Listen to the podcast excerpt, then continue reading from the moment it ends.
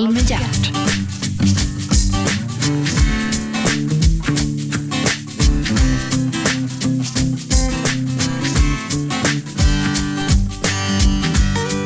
God morgon och hjärtligt välkomna till Radio 1, pratradiokanalen nummer 1. Programmet heter Äntligen, jag heter Gert Fylking och äntligen är Patrik Pelosio här. Välkommen. Tackar, tackar. Pelosio, det låter ju inte Svensson direkt. Nej, min pappa härstammar från Italien, eh, en stad som heter Napoli och eh, min mamma är från Finland så jag är inte svensk någonstans, förutom Du- i passet. Du är svensk medborgare i alla Precis. fall. Pelosio, eh, din, eh, din pappa kommer från Napoli. Napoli är lite grann eh, en av maffians stora högsäten i Italien. Ja, Eh, vad heter de? God morgon eller? god morgon ja. Ja. Är du involverad? Nej. Nej, utan eh, man kan väl säga att Napoli är ju en metropol när det handlar om, om textil, alltså kläder och sånt. Och Ja. min farfar hade butik och kläder och skrädderi och sådana saker. Så att, eh, men, eh, och hade en del fastigheter. Så att, och I Napoli tror jag att alla som håller på i affärsvärlden är tyvärr involverade i maffian på ett eller annat sätt. Eh, behöver inte betyda att de är kriminella, men det är ett kriminellt nätverk som styr hela den stan. Ja. Så att eh, farfar var, eh, ja, man är tvungen att vara engagerad på ett eller annat sätt helt enkelt. Eh, ja, kanske. Låt höra nu. Hur pass engagerad var han?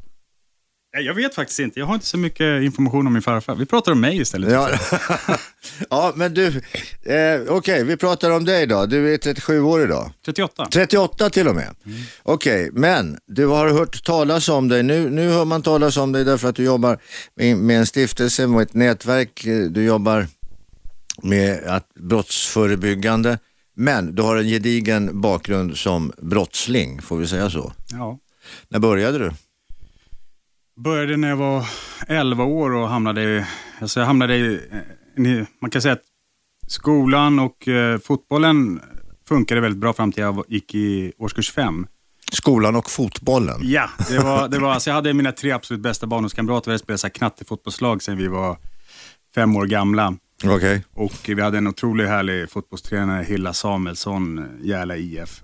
Och eh, han var otroligt kärleksfull och eh, fotbollen var verkligen eh, ett stort stöd för Ja, men mig. Järla var, var, var en bra, eller kanske fortfarande är vet jag, bra ungdomspojkfotboll. Uh, min grabb spelade fotboll, han är ungefär lika gammal som du, han är 39. Och det var ofta hårda matcher just mot Järla. Ni Vi var kanske har duktiga. spelat mot varandra? Ja, säkert. Jag var skitduktig också som målvakt ett tag där. Men sen så inträffade någonting som tyvärr kan inträffa i idrottsrörelsen. Och det är att när vi var 11 år gamla så böt man till 11 fotboll Ja, och slog ihop flera knattelag. Och eh, då fick vi bara ett A och ett B av två nya tränare. Och Ja. Hilla tog hand om de nya knattekillarna. Och eh, då hamnade jag i B-laget och mina tre absolut bästa kompisar hamnade i A-laget. Ja, så så jävla bra dagen var du inte alltså? Nej, det var jag inte. inte när jag kom upp i den åldern. När jag var Ja, ja, okej. och, eh, och då kände jag så att i skolan hade jag tappat kontakten med dem på lektionerna för att jag hade hamnat i en sån liten grupp. För jag ansågs som väldigt okoncentrerad och stökig och busig kille. Okej. Så man satte mig i den lilla gruppen med de som hade läs och skrivsvårigheter. Eh, jag hade ju mer sociala problem, men det, det kollade man inte upp speciellt mycket då, utan jag var störande i den stora gruppen. Ja, du kunde inte sitta still. Men jag hade ändå mina kompisar då på, på väg till skolan och efter skolan och till fotbollen. Men när jag var 11 år så hade jag inte dem längre på fritiden och då gick jag inte heller med dem till skolan. Och då började jag skolka i årskurs 5. Och eh, när man är 11 år gammal och ensam och utstött så, mm, som jag kände mig just då vid den tidpunkten, så kände jag mig att jag var väldigt arg, ledsen och förbannad på samhället stort. Och, och mina föräldrar eh, hade också sina problem eh, med sig själva. Så att min tillvaro var väldigt jobbig just då. Och, eh, så jag började skolka i femman. Och Det var då så jag, jag av en ren slump faktiskt stötte ihop med en kille som var 15 år och tillhörde ett större gäng eh, uppe i Nacka där jag växte upp. Och, eh, han sa till mig, "Men haka på mig grabben. Jag ska, så kom jag in i den här gänglokalen som de hade och där inne satt ett gäng grabbar och några tjejer i åldern 15 till 20 och de satt inne och drack öl och sprit när jag kom in där och en av de här ledarkillarna sa, hörru grabben kom och sätt dig nu och ta en öl och jag, jag vågade inte säga emot utan jag satte mig ner och började dricka. 11 år gammal. Från den dagen så började min kriminella karriär. Men du hade inte så bra hemma? Nej, jag hade, det, jag hade en mamma som skötte sitt jobb, eh, men hon drack för mycket på kvällar och helger. Eh, Hon var inte lycklig med min pappa som var väldigt aggressiv och hade svårt att visa känslor. Mhm. Hans sätt att visa det var ofta genom att skrika och även slå oss ibland. Då. Så att jag hade det här traditionella jobbiga hemmaförhållandet som tyvärr många barn idag upplever. Man pratar om att alkoholism, många tror att det är de här som sitter på parkbänken, men faktum är att 98 procent av alkoholisterna finns i våra hem, bland våra arbetskamrater och familjemedlemmar. Ja. Och eh, Det är mycket skam och skuld kring det och det bör det inte vara. Det är en sjukdom. Precis Jag vet, jag vet mycket väl vad du pratar om. Min syster söp ihjäl sig Nej, och hon hamnade otroligt tokigt till. Eh, och blev i princip A-lagare och eh, hon söp bort allting. Hon, och det gick inte att nå henne, det gick inte att hjälpa henne och, och eh, till och med socialen tog hennes son. Men Det var också därför som jag, just när det gäller med alkohol, man måste få bort den här skammen och skulden, att det inte handlar om någonting, att det är en sjukdom. Så att jag var eh, initiativtagare till att starta Spritpartiet tillsammans med Benny Haag. Så Okej. vi startade ett politiskt parti som heter Spritpartiet. Som, Men du, vi, vi knyter tillbaka, du hamnade alltså i det, här, i det här gänget med betydligt äldre kamrater och lite mer drillade och drivna eh, än vad du var. Vad sa de hemma när du skolkade? För det kom väl rapporter från skolan? ja, absolut. Och socialen kom in där när jag var 10-11 också i mitt liv med just att jag inte skötte skolan. Men eftersom min mamma och pappa var gifta, de hade ett ganska bra jobb båda två. Mhm. Eh, och min pappa var väldigt sådär, eh, när SOS eller skolan ringde och sådär, då kunde han bli väldigt förbannad. Säga, "Men Fan det är ert fel och kom inte hit, jag vet precis hur man ska fostra min son, det är ni som inte kan och det är grupptrycket och så vidare. Han, han var väldigt, alltså bästa försvaret ibland kan ju vara att attackera och det hade Anfall är bästa försvar, Precis, just det. det. Tack. Jag är blatte så jag kan inte. Ja, jag kan tala om att blatten i sammanhanget är alltså Patrik Pilosio eh, som eh, ja, har gått en krokig väg fram men har nu hamnat väldigt bra till får man väl säga. Du lyssnar på Radio 1. Patrik, eh, din kriminella bana, vad var det första du gjorde? Som brott? Ja, det är ju, ja, det är väl inget brott att sitta och hänga med några äldre kamrater och ta en öl i och för sig, men vad, Det började ganska omgående med, med den här 15-åringen in i affären, snattade, gick in, gav det till de äldre killarna, fick klapp på axeln. Fan vad duktiga ni var, bra, hämta med er. Det kunde vara allt ifrån grillade kalla köttbitar till potatissallad till eh, Aha. folköl. Ja, det var allt möjligt sånt där. Eh, och sen på fyllan så var vi ute och slogs och eh, eftersom jag var en liten eh, blatte så, så tyckte de att det är perfekt för dig att starta bråk med skinnskallarna. För att de hade som, eller vi i gänget hade, det vi egentligen gjorde var söp, slåss och snodde bilar och båtar och höll på och gjorde inbrott och sådär. Men den stora delen var ju så att åka runt och slåss. Och jag bodde på Henkan, så att det var inte så långt till Gamla stan. Och I Gamla stan fanns det gott om skinnskallar. Henk. Okej. Så att eh, vi åkte till Gamla stan och då hade jag kanske varit med i gänget ett par veckor när jag fick följa med in till stan och eh, då säger en av de här ledarkillarna men där står det tre skinnskallar, vi gömmer oss här bakom hörnan så går du fram och så jiddrar du med dem och, och sådär. Startar ett bråk och sen så kommer vi och hjälper dig sådär. Okej. Då är bråket igång. Okej, så jag, så jag gick dit fram till dem och bara, jävla skinnskallar, Tuh! och så sprang jag iväg och så kom mitt gäng, då kanske vi var 10-15 stycken och de var väl fyra skinnskallar tror jag. Och då fick de stryk skinnskallarna och eh, då säger en av de här äldre killarna också, visa vad det går för nu, nu vill jag att du sparkar på den här snubben som låg ner. Och eh, det gjorde jag. Och, eh, då, sen, och det som inträffade då när jag sparkade den här skinnskallen var att det, det förlöste någonting i mig så att jag, jag bara exploderade. Jag hade alkohol i kroppen, de, jag blev pushad till att göra den här grejen för att visa att jag var en av gänget och en tuffhet. Så jag exploderade och bara flög på den här skinnskallen och slog och slog och slog. Till slut så slet de här killarna bort mig från den här skinnskallen. Bara, ta lugnt, du kommer slå ihjäl han. Då var jag alltså 11 år gammal och helt vild och de bara shit. De, så att de backade där och, och, och det var på något sätt som att all den här ilskan, sorgen och allting som jag hade inom mig kom ut vid det tillfället. Och, eh, eh, och från den dagen också när jag Vad hamnade i hände gänget. med killen? Vet du det? Ingen aning. Ni stack därifrån bara? Ja, det var flera gånger så. Men, eh, och vi slogs även mot andra invandrargäng också, så det fanns inte någon sån här att vi var på, på skinska. Vi kunde, mötte vi ett invandrargäng, för vi var ett blandat gäng. Vi var svenskar, zigenare, italienare och finnar och allting i vårt gäng. Och Det Det handlar inte alls om någon sorts ideologi eller politik som vissa tror att det handlar om i de här ungdomsgängen. Utan det är slumpen som har vilket gängen man hamnar i. Ja, ja. Eh, så mötte vi ett gäng från Rinkeby och då var det jävla svartskalla sighall kunde vi skrika och så slogs vi mot dem. Och mötte vi skinnskallar så var det jävla nazister. Och så. ja. Ni hade ingen ideologi i botten. Det finns inte Utan det var, det var det var de tre benen som ni stod på. Det var att, att eh, slåss, att supa och att... att eh, Ja, sno bil, båt och sådana men det där sno, sno bilar och båtar, det är ju lite allvarligare än att gå in och sno en grillad kyckling. Ja, fast jag tycker allvarligaste var nog att misshandla människor. En sno en bil. Jo, jo, naturligtvis är det det, men, men, men okej. När åkte du fast första gången då? Var 12 kanske. Vi ska försöka köra från snuten med en Ford Fiesta. Vi var fyra stycken i den och polisen låg bakom så här, körde med en hand.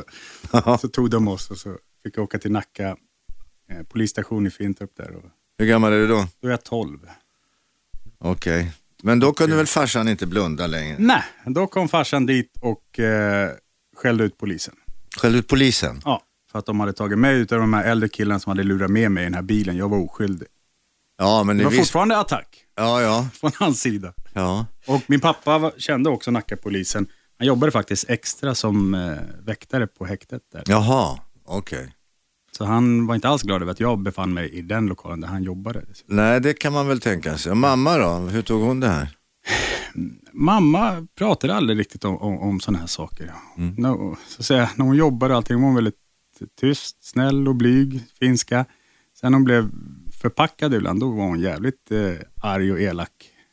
Hon blev som en annan människa. Då kom det finska Ja, temperamentet. då kom det fram. Men du, eh, ja, hamnade du på institution då?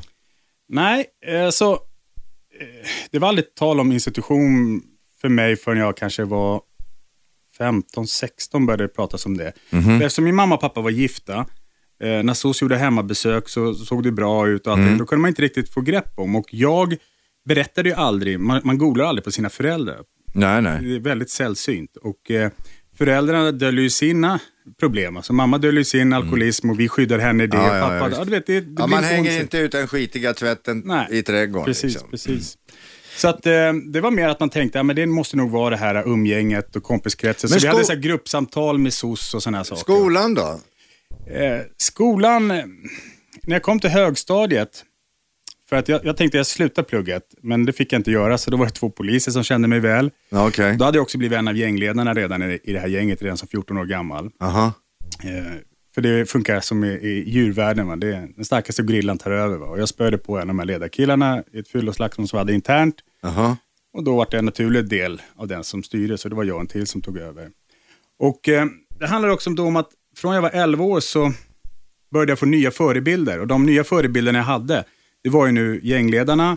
Och alltid framåt helgerna så kom det ett par snubbar i riktigt schyssta kläder, feta bilar som man du vet, BMW och Mercer. Ställde utanför lokalen och kanske var i 25 till 40-årsåldern. Kom in, kallade till sig de här ledarna då. Då satt jag där som 11-åring och kollade, vad fan är det där? Och det var ju då de hade narkotika som gav till de här ledarna som då skulle bjuda och sen sälja. Så att från jag var 11 år så försvann ju Hilla och alla de här kärleksfulla bra människorna jag hade haft i mitt liv som förebilder. Utan nu så fick jag helt nya förebilder. Nu vill jag bli som den här ledaren. Sen vill jag vara den som de här större killarna kommer och snackar med. Så att, och köra Ja, ja. bilen så småningom. Ja. Så att jag började mer och mer eh, sträva för det. Eh, för att jag visste ingenting annat. Äntligen! Samtal med hjärt.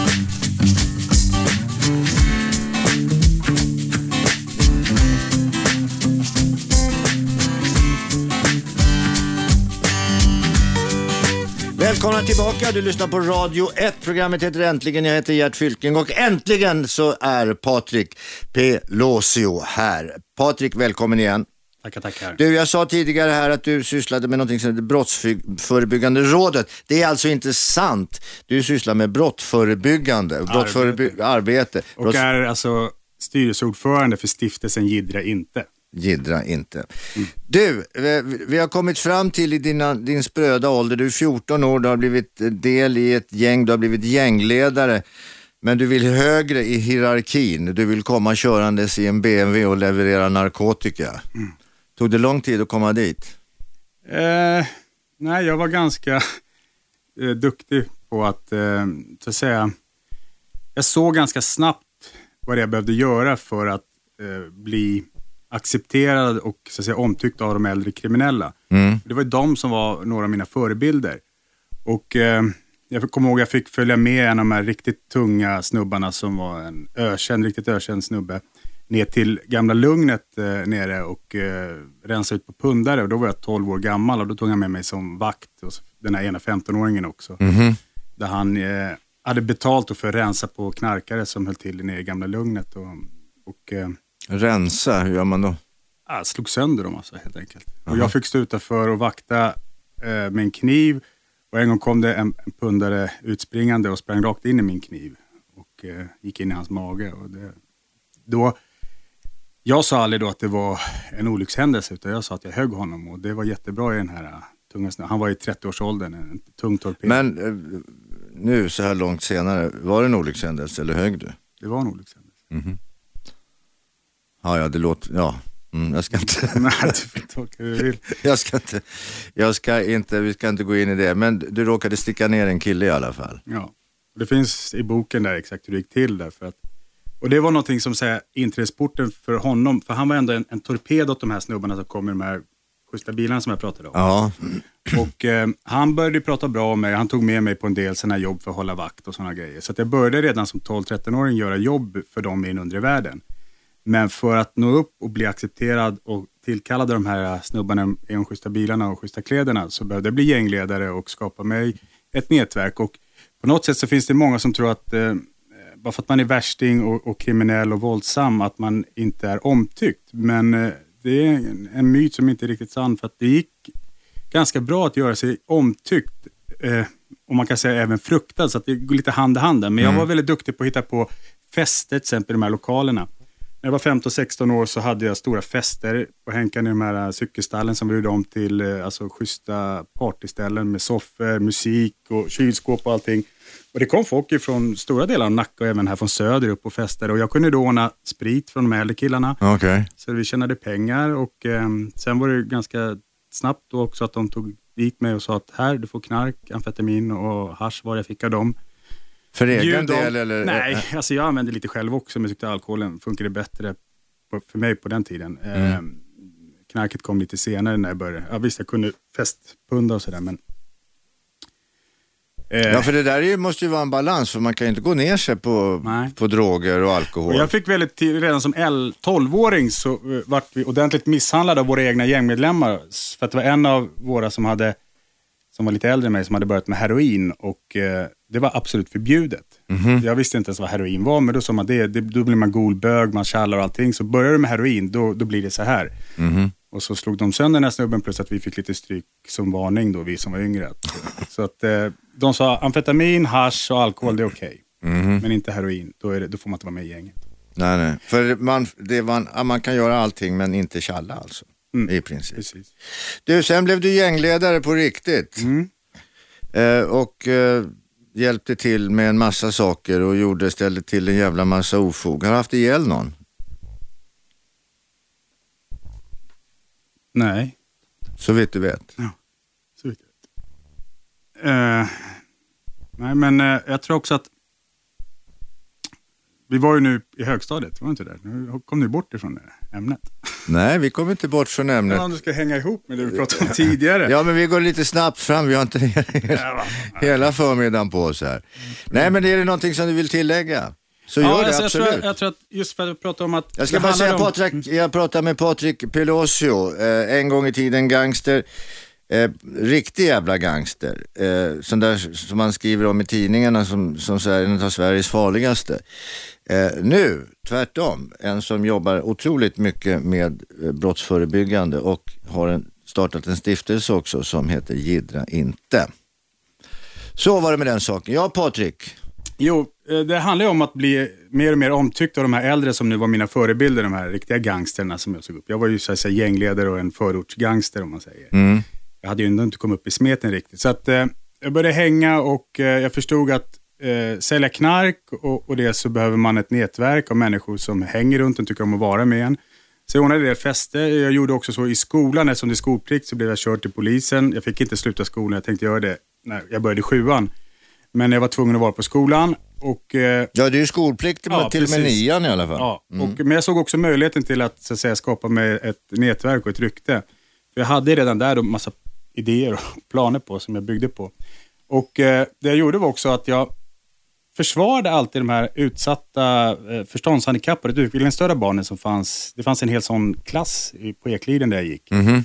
Och det var några av de här fotbollskillarna som var lite äldre som ofta mobbade och retade de här. Och jag Okej. hade ju ingen förkärlek till fotboll vid den här tiden. Nej, nej. Jag försvann ju där när jag var 11.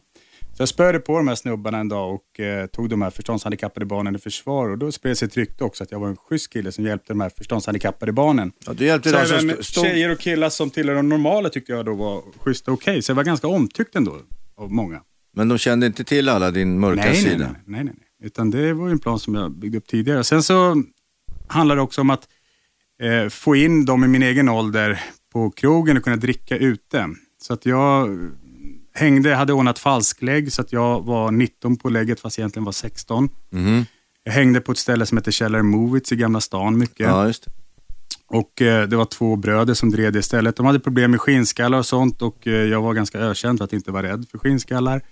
Så att eh, jag märkte att de hade ingen garderob, ingen dörrvakt. Och jag visste att dörrvakt, det, det är ett bra sätt att få ett nätverk och det. Så att jag, så att säga, implementerade, så att jag tog över deras garderob och skapade min egen dörr där. Okej. Och sa att jag gör det här, ni behöver inte betala någonting utan jag tar pengar från jackor och sånt och så kommer jag hålla skinnskallar och bråksaker borta och sådana saker. Och, ehm, de tyckte det var okej för jag hade hängt där och de tyckte om mig. Så att, eh, jag fick ett bra, bra nätverk. Så nu hade jag också min egen garderob redan som 16-åring.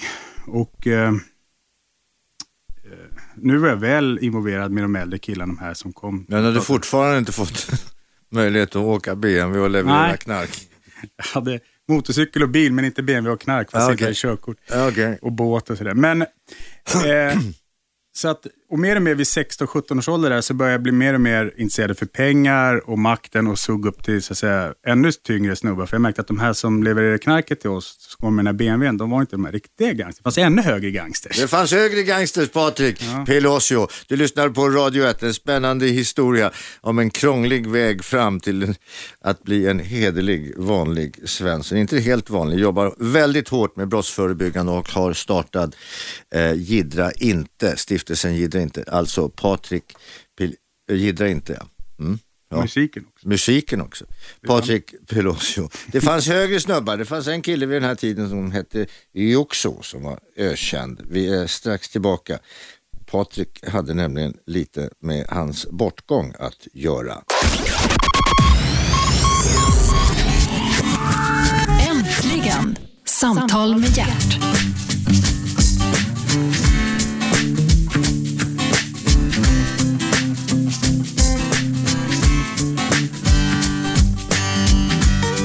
Välkomna tillbaka, du lyssnar på Radio 1. Programmet heter Äntligen, jag heter Gert Fylking och äntligen så är alltså Patrik Pelosio här. Välkommen Patrik. Tackar, tackar.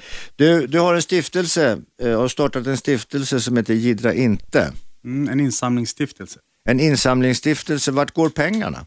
Pengarna går till att eh, i huvudsak ge barn i Sverige som inte har möjligheten att få gå på alltså, koll och uppleva härliga saker. För att det är väldigt viktigt. Jag har märkt, jag har jobbat nu 16 år i skolans värld med skolans så kallade värstingkillar och tjejer. Och många tror, och det finns jättemånga lärare och socialarbetare och stöttande människor som säger, men plugga, sköt skolan. Du måste göra det för då kan du skapa ett bra liv. Då kan du kanske köpa dig en båt och ha på sommaren eller sommarstuga. Det. Och det här är bara ord, för de här barnen som jag pratar om som kommer till vårt stiftelse, alltså på kollorna som vi anordnar, de har aldrig upplevt det. De har bara hört det. Så det, det vi gör är, man kan gå in och titta, vi gjorde första kollot i år, så det är helt nystartat det här. Eh, det är att eh, ge barn i Sverige gratis kollo. Och det är en upplevelse både med personlig utveckling, lek, möte med kärleksfulla eh, vuxna och också mentorskap. Eh, det är inte så att vi är inne i någon terapi, men det blir faktiskt en av de bästa terapierna tycker jag, att få uppleva det som... Men du, om jag ger en hundring då, hur mycket? Om du ger oss en hundring så är det garanterat att 80 kronor av dem går till just de ändamålen som står i stiftelsens Okej. stadgar på hemsidan. För det granskas av eh, Länsstyrelsen och eh, Skattemyndigheten, helt öppet.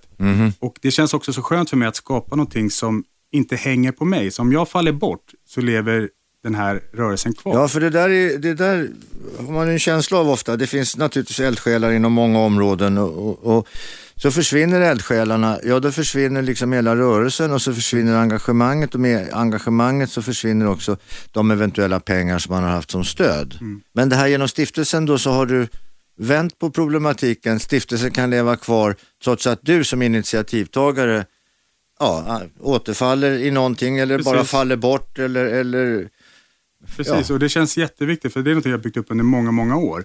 Och jag har också skapat ett koncept som gör också att vi egentligen inte är beroende av pengar från människor.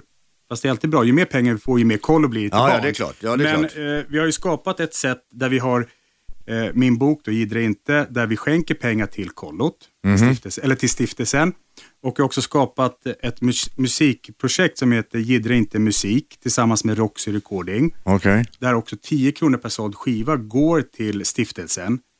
Och eh, det är också eh, i dagarna nu så kan jag nämna lite, en ganska stor nyhet som Okej. inte har kommit ut än. Men det är alltid att eh, Börje Hellström, Mm. som du känner till, Mm.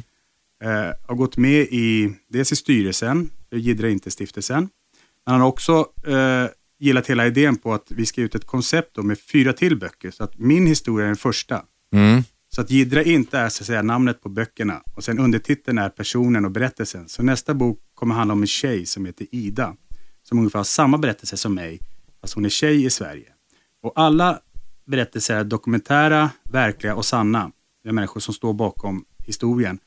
Och eh, de har minst två års drogfrihet eller kriminalitet, livet bakom sig.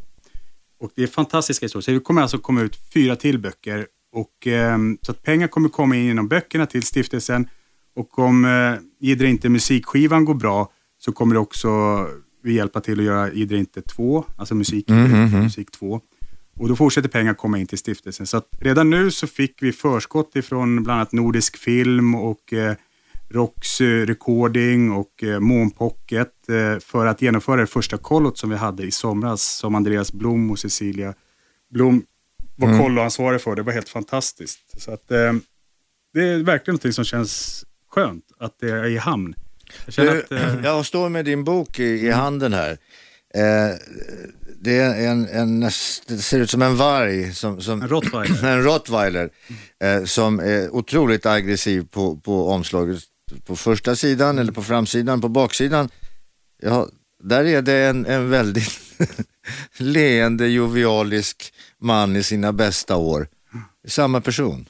Mm. Du var rottweilern ett tag. Eller ja. Finns Alltså jag ansågs ju, som, som vi pratade om innan eh, vi gick in i sändningen, som 19 år gammal så ansågs jag som obotlig. Jag var en av Sveriges farligaste våldsmän, tyckte då en, känd, rätt, alltså en rättspsykiatrisk läkare som gjorde utredning på mig. Mhm. En nio månaders utredning på Hornsgatan. Och, eh, han, eh, hans rekommendationer var att jag skulle medicineras med Haldol och Malorol resten av mitt liv. Det är bara rätt ner i sängliggande det Precis, och eh, jag började då istället röka hasch, för jag var extremt aggressiv. Ja, Men det viktiga är också att när jag till slut lyckades vända allting, att människor som finns ute i samhället fick möjlighet att, att eh, möta mig på rätt sätt. Mm. men du, var vad, var det som, vad var det då som fick dig, eh, alltså du, du var ju i den kriminella världen, hela din, hela, hela din vardag och helgdag och ditt intresse och dina kompisar och dina vänner och dina bekanta, det var ju bara kriminellt folk. Nej, Nähä? det var det inte. Jag hade ju garderob eh, redan som Ja, 16-åring. Jag ja. hade min egen nattklubb som 18-åring. Ja men det där var ju, det där var ju gangsterverksamhet. Jo, men människorna som kom dit och hjälpte med allting var ju inte alla gangster. Det var musikmänniskor, det var folk som hjälpte till och, och spred och roddade. Och de umgicks jag också med. Så att jag Ja. hade både kriminella och icke-kriminella. Ja, och så levererar du narkotika. Ja. Ja. Så att- Så att jag menar, du fortsatte att vara kriminell även om du i, din, i ditt umgänge hade eh, så kallat vanligt folk, svenssonfolk. Ja, så att vi ska inte försköna historien allt för mycket. Nej, absolut inte. Det är ingen katastrof. Men du, vi, vi pratade... skitliv att leva. Ja, det, det, det, det. står här på omslaget också, hellre ökänd än okänd. Mm. Och du blev djävulskt ökänd. Eh, inte bara i den, eh, i den undre världen blev du känd och det betyder att då blir man ökänd i den mera normala världen så att säga. Eh, och eh, du blev alltså i princip eh, ja du var obotlig. Obotlig, enligt eh, vad, vad läkarna tycker. Och det där visar sig att, eh, här har vi ju då ett levande bevis framför oss att det där med obotlighet och läkarutlåtande inte alltid stämmer. Varför stämde det inte i ditt fall? Eh, ja, det är ju som sagt en lång historia och eh, men jag vart ju dömd för flera brott. Jag, redan som 16-åring så hade jag blivit dömd för flera misshandel, grov misshandel och mordförsök. Och hade massa annat övergrepp i rättssak. Ja, hela registret på det där. Och det gjorde att människor som kom i kontakt med mig när jag blev dömd till institutioner eh, läste de här handlingarna om mig. Och jag tror att på ett omedvetet sätt då så dömde de ut mig och hade redan förutfattade meningar. Ja, men det är klart. Mig. Det är Ja, klart, det är klart man gör. Vad har vi här på den här killen? Ja, här har vi alltså dank, dank, dank, dank, bara negativa grejer och dropout i skolan Mm. och så vidare och, och ingen ordning och reda och ingen bättring. Det är klart att man tänker, det här kanske inte, det här kommer vi inte att vända. Han kommer inte att klara att vända det här, för då hade han ju gjort det kanske för länge sedan. För det det handlar om, Gert, det är att, och det vet du också, jag vet att du har hjärtat på rätt ställe, hört mycket gott om dig bland mitt nätverk.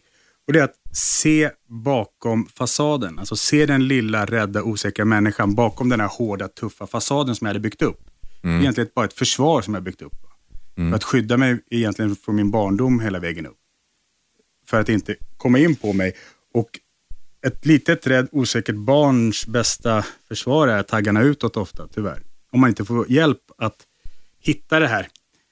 Eh, komma i kontakt med den, den eh, lilla orädda Den lite mjukare sidan. mjuka sidan. Och, eh, jag hade turen sen till slut att hamna på ett behandlingshem där jag mötte en kvinna. Eh, för jag fick, eh, jag lärde mig manipulera systemet, det, det finns att läsa, det är en lång historia. Men, så att jag slapp fängelse sista voltan och eh, hamnade på behandlingshem för att jag knarkade mycket. Och, de eh, i samhället ansåg mig som knarkare. Jag tog, tyckte inte jag var knarkare för jag tog aldrig några sprutor. Jag tog kokain och, eh, kokain och hasch på den tiden, då, i slutet av min karriär som kriminell. Och eh, jag knarkade i sprutor i sig, tyckte jag. Men SOS, den här gubben som hjälpte mig in på det här behandlingshemmet, han sa att jag var narkoman och jag höll på att klappa till honom. Men eh, jag förstod också, han sa att men det kan se jävligt bra ut inför din rättegång nu, som du har framför dig, om du går in frivilligt på behandling. Okej. Tänkte, ja, men det är smart. så då gjorde jag det. Ja, ja. Eh, Och eh, till slut då så hamnade jag på... Allt för att klara sig undan. Ja, alltså. ja. men för att fortfarande driva, för jag hade en stor verksamhet som jag var, så att säga, styrde. Mm. Plus att jag gjorde jobb för, för eh, de här juggarna och du var inne på att snacka om att jag hade någonting med Joxos eh, bortgång att göra. Det hade jag inte. Jag var med och planerade tidigare, några år tidigare på att avrätta honom på grund av andra saker. Jaha. Men eh, det skedde aldrig så. Utan, eh, men jag var involverad i då på den tiden den jugoslaviska maffian som var toppen av den kriminella världen. Och eh, jag gjorde jobb även i andra länder. Jag var nere i Afrika och gjorde livvaktsjobb och uppdrag åt dem. Men det här är alltså äldre män. De, är, de var i den åldern du är nu så var de i den och jag var 18, 19, 20. Va? Mm. Så att eh, det var det gamla gardet. Men för mig så handlar det väldigt mycket om att, att när jag kom på det här behandlingshemmet som drevs av Lena Kristina Tulse, en gammal dam. Hon hade som regel att aldrig ta del av de här handlingarna som Okej. klienterna kom med. Smart. var skitsmart. Hon var väldigt smart, hon lärde mig mycket. Hon tog personen som den var Precis, och inte och- vad den hade varit. Nej, och så sa hon till mig, det finns vissa små enkla regler som jag vet man ska följa på det här behandlingshemmet. Okej. Ena är att du ska ha ett enskilt samtal med mig. Ja. Jag är utbildad psykolog. Och jag tänkte, för fan, inte en till alltså. Men okej, jag, jag får ju ändå lite friare här, jag kan vara det här. Va? Ja. Eh, och eh, det första enskilda samtalet jag hade med henne, så är det det här traditionella jävla terapirummet, du vet, med runt bord och gråtservetter, Ja, ja. klockan och lite mysigt sådär. Och så sitter hon där och så tänkte jag, fan, jag har varit psykolog och kuratorer många gånger i mitt liv. Okej. Och aldrig öppnat upp mig, alltid stuckit. För det är så att ett barn som inte ens kan lita på sina egna föräldrar kan man inte förvänta sig ska lita på någon annan vuxen. Nej. Man måste skapa ett förtroende. Det gjorde aldrig någon med mig. Fram till den här dagen då när jag är 23 år gammal och sitter hos Lena. Första terapisamtalet så började hon berätta om sig själv. Hon började till och med gråta framför mig så att jag tar en sån här gråtservett och ger till henne, den här gamla damen, och tycker synd om henne. Okej. Hon pratar och pratar och jag bara kände, vad är det här? Är det hit skattebetalarnas pengar? Att hon sitter och ältar sitt skit på mig. Ja, ja. Men eh, hon hade lärt sig under många års arbete för att nå in hos en kille eller tjej som, är, som inte kan lita på vuxna eller människor, inte ens sina egna föräldrar, måste man vara väldigt personlig och berätta om sig själv för att skapa ett förtroende. Absolut, det tror jag också. Och hon sa också i sin utbildning så hade man fått lära sig, du får inte vara personlig och privat med dina klienter. Men hon sa att det går inte om man ska jobba med killar och tjejer som dig. Nej. Och det var faktiskt vändningen.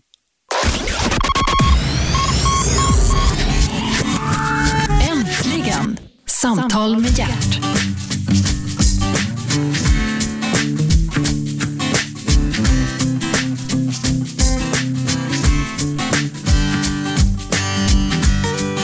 Välkommen tillbaka. Du lyssnar på Radio 1. Du lyssnar på programmet Äntligen. Gert Fylking heter jag och äntligen är alltså Patrik Pelosio här. Välkommen Patrik tillbaka. Tackar. Du, eh, du har startat en stiftelse som heter Gidra inte. Du har skrivit en bok som heter Gidra inte och det kommer flera böcker i den här serien. Och den här stiftelsen som heter just Gidra inte, den samlar alltså in pengar för att ge möjlighet till barn och ungdomar att få uppleva trygghet, somrar, kollo, mys. Ja, alltså vi, hade vi hade 14 barn den här sommaren och 10 av dem hade aldrig varit på en båt eller upplevt alltså, naturen i Sverige. Så det är helt fascinerande. Du, eh, du har själv en gediget kriminell bakgrund. Du har varit gängledare, du har varit fruktad, du har åkt fast för misshandel, du har i princip haft ihjäl folk, eh, du har knarkat, du, alltså sånt där som vi bara läser om. Som, vad, heter, vad kallas de för? Fi, samhällets fiende nummer ett och så är det bilder på dem då och då. Eh, du har varit torped inom landet och utom landet. Nu jobbar du med den här eh, stiftelsen. Men du jobbar inte bara administrativt, du jobbar också på, på det så kallade, vad heter det? Fronten som jag brukar säga. Fronten. Gräsrotsnivå. Gräsrots, gräsrotsnivå. Jo, men alltså det, det, det, det, det, för hela tiden så märker jag luckor som finns i samhället. Och det finns många och det är många som försöker göra någonting åt det. Och jag har så att säga, engagerat mig i, i sånt som jag tror kan vara en förändring långsiktigt. Bland annat Spritpartiet, halvera kröken i Sverige på tio år. Det är jätteviktigt för att alkoholen dominerar väldigt mycket och det handlar om att ge kunskap om alkohol, ingenting annat. Men du, borde, inte sen- du få vara, borde inte du få vara med den kunskap, gedigna kunskap du har så att säga från den mörka sidan, få, få vara eh, någon rådgivare åt justitieministern egentligen? Jo, absolut. Jag har sagt det till dem också. Jag har ju suttit tillsammans med dem. Men För du vet ju mer om det än just den här så kallade lagstiftande församlingen. Ja. Ja, och istället för att slänga miljoner på utredningar som de gör för att få fram fakta, så bara fråga. Det, finns ett, det är inte bara jag, det är jättemånga som har kunskaper som mig, som vet vad det verkligen handlar om. Ja. Men på något sätt så, så hör man inte av sig till oss, utan det ska ges arbete till de här äh, forskarna. Och, Ja, men det är byråkrater. Ja. Och byråkrater, mina vänner, det är som hyvlade brädor. Men jag, jag jobbar för att låta människor som har ett förflutet och har en historia komma fram. För att det är ingenting unikt med min berättelse. Det finns flera som har liknande. Sen att jag har fått hjälp med att lyckas vända eh, min, mina dyrköpta erfarenheter till någonting positivt. För att det visar sig nu i vuxen ålder, som jag hade räknat ut för länge sedan, att jag har ADHD. Det var ingen nytt då, utan jag fick den diagnosen i alla fall på papper. Och eh, det finns ofta en, en, jag har jobbat mycket med så kallade ADHD-barn på skolan när jag jobbade som eh, stödperson och kamratstöd, eller vad det nu kallades. Eh, och, eh, men däremot, alltså barn med ADHD är en otrolig tillgång för samhället om vi börjar satsa på dem redan i skolan och inte försöker tvinga dem att sitta still i skolbänken. För att de med ADHD har väldigt svårt med det och eh, nu har man till och med börjat medicinera dem för att de ska sitta still i skolan. Ja. Men vi har en otrolig kraft och det var det som Lena-Kristina de på Växthuset och även Anders Karlberg på Fryshuset och Arne Danner och, och Emrich Roth och många människor som jag mötte efter tiden på behandlingshemmet såg att den här killen, han har driv, han har eh, en kraft så att vi stöttar honom på olika sätt och de har varit så att säga mentorer och, och det åt mig och, ehm, och då har jag lyckats skapa det här som jag har gjort. Då. Tack vare att människor Ja, tror på mig. det, det, jo, men det är ju bara det. Sen sa du, du sa att jag stod på tidningar som en av Sveriges farligaste och så vidare. Det har vi också här, eh, Jonny Puma Höglin. Ja. Var en av Sveriges eh, mest ökända nynazister. Han var ju på den här tidningen, du vet, Ja. eh, hot mot demokratin och så vidare.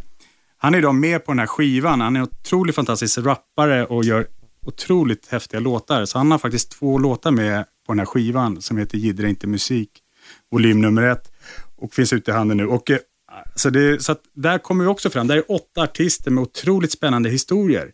För du vet ju du, du sprang runt och kollade människors historier och alla människor har otroligt Ja, ju lyssnar fantastiska... man bara så har de Precis, ju ja. en historia. Det är ju bara att lyssna på folk så har de ju hur mycket som helst. Man får ge sig till tåls, man får inte ha för bråttom.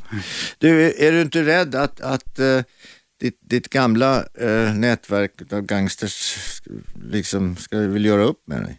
Nej. Eh, Alltså, det- jag känner ingen, ingenting sånt alls faktiskt. För att i, i den kriminella världen, så, så det betyder inte att, som du säger, jag fick en diagnos, eller en dom att jag var obotlig av en, en känd rättspsykiatrisk läkare. Jag vet att innanför den här hårda fasaden som de här gangsters och killarna har, så finns det en människa där bakom. Mm. Och jag ser människan, jag ser inte namnet på västen eller på, på tillhörigheten gruppen de har, utan jag vet att innanför det här så finns det alltid en, en kille eller tjej som har haft otur i livet och hamnat snett. Mm. Och Sen kan det vara väldigt svårt i dagens läge att ta sig ur det här, för att man måste få någonting annat istället. Samhället, eh, inför valen så vinner politikerna röster med att ta hårdare tag mot de kriminella. Eh, men vi kan aldrig straffa bort eh, kärlekslöshet och otrygghet. Nej, det Utan det handlar om att bemöta människor med eh, respekt och eh, rädsla och, och kunskap. Ja, det, man det tror jag är det viktiga. Det är kunskapen som är det viktiga och den kunskapen måste man gå ner med ganska tidigt. Man hör ju skrämmande berättelser när polisen till exempel åker ut och, gör, och visar upp sig på dagis och sånt där. Då kan polisen med den erfarenhet och kunskapen de har, kan de stå och titta på den här barngruppen. Ja, där. Honom kommer vi, eller henne kommer vi att se om ett par år. Alltså det, det Det helt... såg man redan på mig, alltså dagispersonal, eller lekis hette det på den tiden. Så kommer jag ihåg Rita sa att Patrik kommer gå till helvete för han kommer hamna fel i livet. Och då Ja, var jag måste- fyra år. Jo, men då måste man, nu har du ju hamnat rätt Ja. i och för sig, men, Jo, men hamnade- krokig väg. Precis, Ja, jag hade turen. För att, och det är väldigt viktigt för om det är till yngre lyssnare att alltså, gangsterlivet, det är ingen, alltså man tror när man ser på de här rapvideosarna och det så att det är gangster, det är häftigt, tufft och balt och mycket pengar och mycket brudar. Men det man inte ser som man får reda på när man läser min historia, det är att det är ett fruktansvärt liv att leva. Att ständigt vara rädd och i, i ångest och droger. Sen kan drogerna tillfälligt så att säga, göra att man känner sig avslappnad och glad. Men det är bara en kort, kort stund. Majoriteten, alltså 95% av tiden är fruktansvärt Är helvete och jagad hela tiden.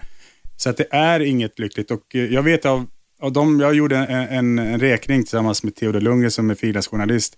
Av 40 så kallade gängmedlemmar och kriminella som jag hade under min tid uppväxt, så är vi idag, jag och två till som har klarat oss. Resten är döda eller inne i ett tungt missbruk eller Mhm. gått bort. Att, Du, eh, då kan jag bara säga så här. Tack så hemskt mycket Patrik Pelosio att du kom hit. Alla ni lyssnare som hört talas om Gidra inte-projektet eh, eller inte hört, har hört ja, det är talas första gången det kommer ut nu, Ja, helheten. eh, ni, ni köper boken, köper skivan och därmed så stöder ni det här projektet, Stiftelsen den här stiftelsen Gidra inte.